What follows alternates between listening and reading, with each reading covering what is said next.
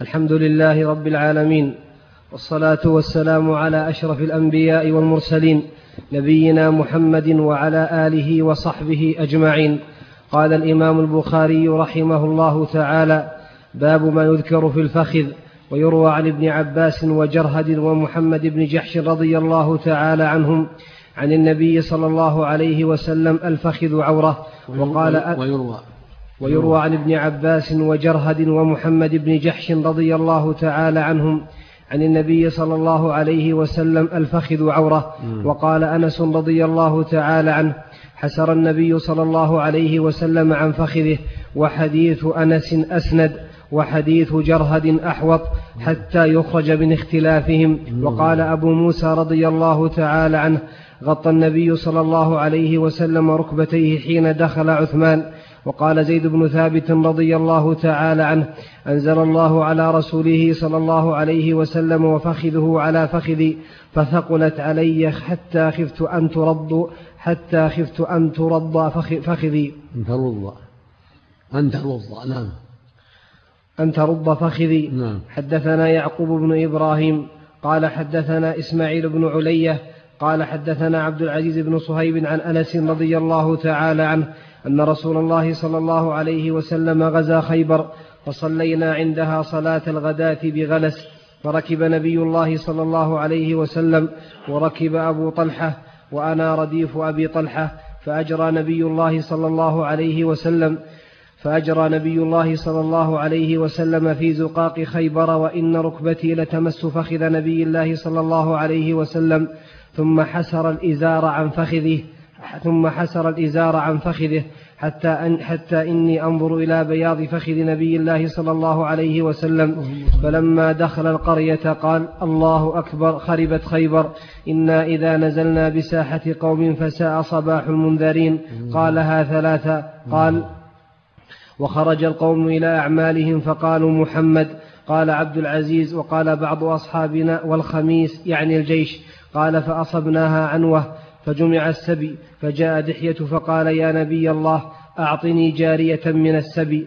قال اذهب فخذ جارية فأخذ صفية بنت حيي فجاء رجل إلى النبي صلى الله عليه وسلم فقال فقال يا نبي الله أعطيت دحية صفية بنت حيي سيدة قريضة والنظير لا تصلح إلا لك. قال ادعوه بها فجاء بها فلما نظر إليها النبي صلى الله عليه وسلم قال خذ جارية من السبي غيرها خذ جارية من السبي غيرها.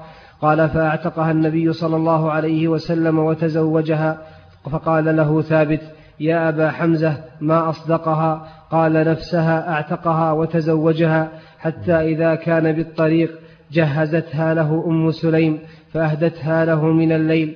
فأصبح النبي صلى الله عليه وسلم عروسا فقال من كان عنده شيء فليجيء به وبسط نطعا فجعل الرجل يجيء بالتمر وجعل الرجل يجيء بالسمن.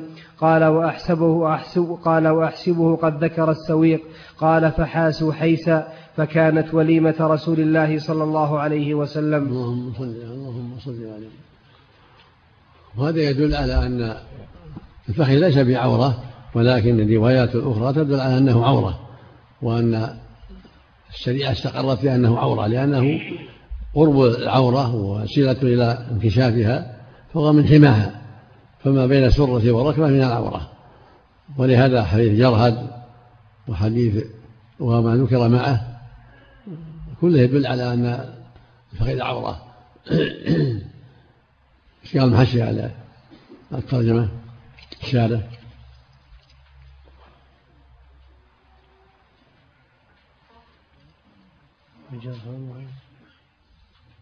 عند قوله المؤلف جمع بينهم بأن سترها أحوط خروجا من الخلاف. وحديث أنس أسند أي أصح إسنادا. قبل باب ما يذكر الفخذ أي في حكم الفخذ. أي. والكشميهني من الفخذ. أي. قوله قال أبو عبد الله والمصنف. أي. وسقط من رواية الأكثر قوله يروى عن ابن عباس وصله الترمذي. وفي إسناده أبو يحيى القتات بقاف ومثنتين وهو ضعيف مشهور بكنيته. واختلف في اسمه على ستة أقوال أو سبعة أشهرها دينار. قوله وجرهد بفتح الجيم وسكون الراء وفتح الهاء. وحديثه موصول عند مالك في الموطأ والترمذي وحسنه. وابن حبان وصححه وضعفه المصنف في التاريخ للاضطراب في إسناده. وقد ذكرت كثيرا من طرقه في تعليق, تعليق التعليق.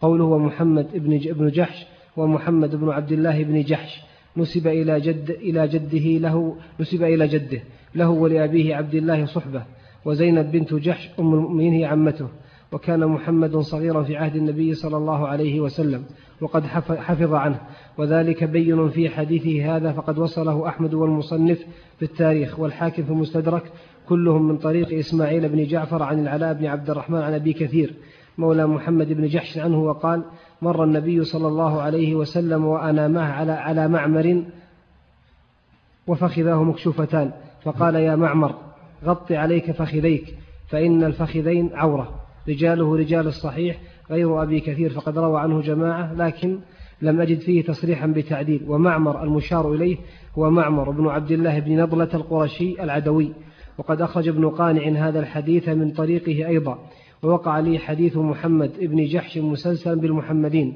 من ابتدائه إلى انتهائه وقد أمليت في الأربعين المتباينة. قوله وقال أنس حسر يكفي يكفي نعم.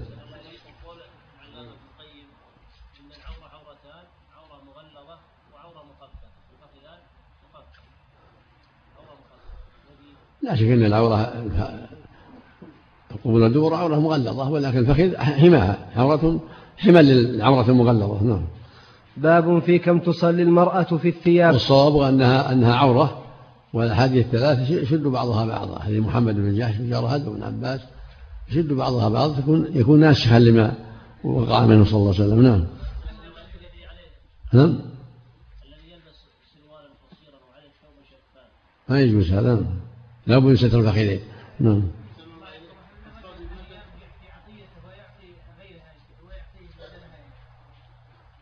ليس للرجل عطية نعم. باب في كم تصلي المرأة إلا, إلا الوالد فيما يعطي ولده. الوالد فيما يعطي ولده. نعم. إذا إذا لا ليس الرجل لا. الرسول نهى عن الرجل هادية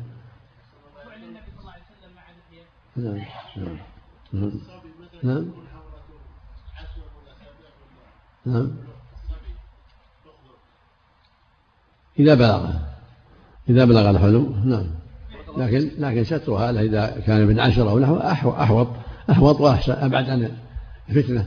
بارك الله فيكم. معنى قوله فقال من كان عنده شيء فليجيء به وبسط مطعا فجعل الرجل يعني وليمة وليمة هذه وليمة. يعني أمر الصحابة يحضروا ما عندهم من تمر ومن عقد ومن سمن فصار حيسا وليمة صفية رضي الله عنها للجميع للجميع.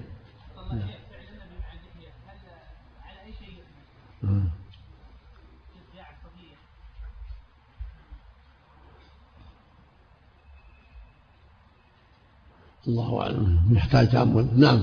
باب في كم تصلي المرأة في الثياب. وقال عكرمة لو وارت جسدها في ثوب لأجزته. حدثنا أبو اليمان قال أخبرنا شعيب عن الزهري قال أخبرني عروة أن عائشة رضي الله تعالى عنها قالت لقد كان رسول الله صلى الله عليه وسلم يصلي الفجر فيشهد معه نساء من المؤمنات متلفعات في مروطهن ثم يرجعن إلى بيوتهن ما يعرفهن أحد. نعم. باب إذا صلى في ثوب له أعلام ونظر إلى علمها. حدثنا أحمد بن يونس قال حدثنا إبراهيم بن سعد قال حدثنا ابن شهاب عن عروة عن عائشة رضي الله تعالى عنها أن النبي صلى الله عليه وسلم صلى في خميصة لها أعلام فنظر إلى أعلامها نظرة فلما انصرف قال اذهبوا بخميصتي هذه إلى أبي جهم وأتوني بأنبجانية أبي جهم فإنها ألهتني آنفا عن صلاتي. وقال هشام بن عروة عن أبيه عن عائشة رضي الله تعالى عنها قال النبي صلى الله عليه وسلم كنت أنظر إلى علمها وأنا في الصلاة فأخاف أن تفتنني. وهذا فيه الدلالة على ينبغي المؤمن أن يتباعد عن الشيء الذي قد يفتنه في صلاته من نقوش أو غيرها حتى يقبل بقلبه عليها سواء في ملابس أو في مصلى أو في الجدار اللي حوله أو ما أشبه ذلك حتى يجمع قلبه. اللهم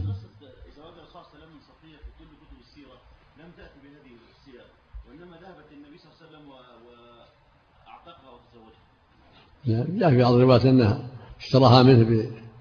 اشتراها منه ب... بعدة رؤوس رضي الله عنها بعدما أعطاه إياه وفي هذا أنها قال خذ مكانها يحتاج إلى جمع الروايات فيها نعم.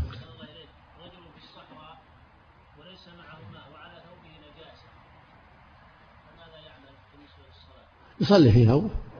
تيمم ويصلي في ثوبه ولا يصلي عريان معذور.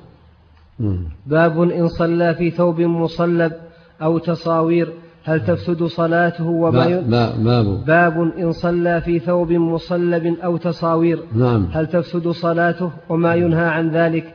حدثنا أبو معمر عبد الله بن عمرو قال حدثنا عبد الوارث قال حدثنا عبد العزيز بن صهيب عن أنس رضي الله تعالى عنه قال كان قرام لعائشة رضي الله تعالى عنها سترت به جانب بيتها فقال النبي صلى الله عليه وسلم أميطي عنا قرامك هذا فإنه لا تزال تصاويره تعرض في صلاتي. اللهم صل. لا هذا مثل ما تقدم. ينبغي يكون محل الصلاة بعيد عن محل التشويش. لا تصاوير ولا نقوش ولا غير ذلك. وهذه التصاوير قد تكون غير ذوات الأرواح لكنها تشوش على وأما ذوات الأرواح فقد أمر النبي بإزالتها. غضبه فلما رأى ثوبه تصاوير غضبه وقال إن أصحاب اليسر يعذبون يوم القيامة وقال ما ما خلقتم. مزقه المقصود أن أن أن النقوش التي تكون أمام المصلي قد تشوش عليه وتشغله فالأفضل إبعاده عنه أو بعده عنها في مكان آخر.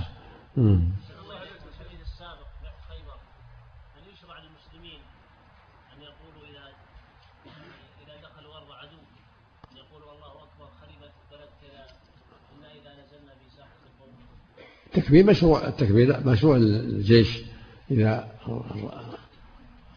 صعدوا وارتفعوا كبروا وإذا نزلوا منخفض سبحوا. كان النبي يفعل الصلاة والمسلمون. وإذا قالها عند دخوله بلاد العدو نعمة الله أكبر طيب.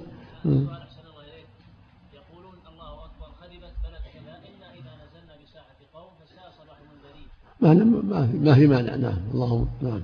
باب من صلى في فروج حرير ثم نزعه حدثنا عبد الله بن يوسف قال حدثنا الليث عن يزيد عن أبي الخير عن عقبة بن عامر عن عقبة بن عامر رضي الله تعالى عنه قال أهدي إلى النبي صلى الله عليه وسلم فروج حرير فلبسه فصلى فيه ثم انصرف فنزعه نزعا شديدا كالكاره له وقال لا ينبغي هذا للمتقين.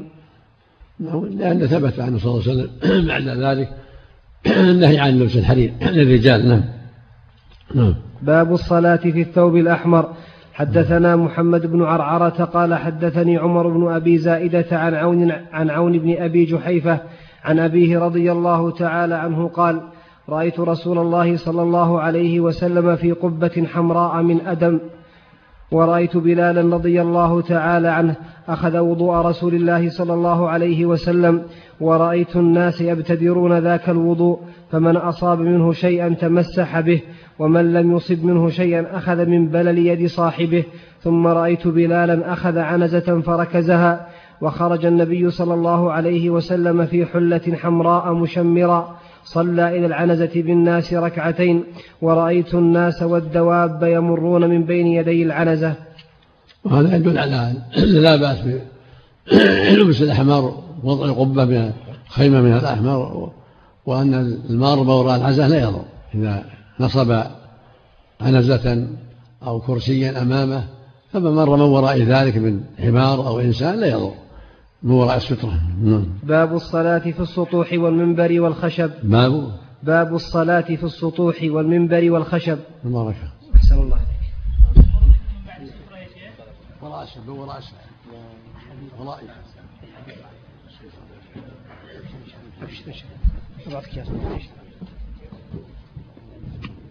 ما عندي رشد تمر في صور ذات أرواح يا شيخ ما يجوز. واجب عليه زالت يعيد الصلاة. صحيحة الصلاة صحيحة شيخ. لا لا عدم العودة إليه. يقول صلى الله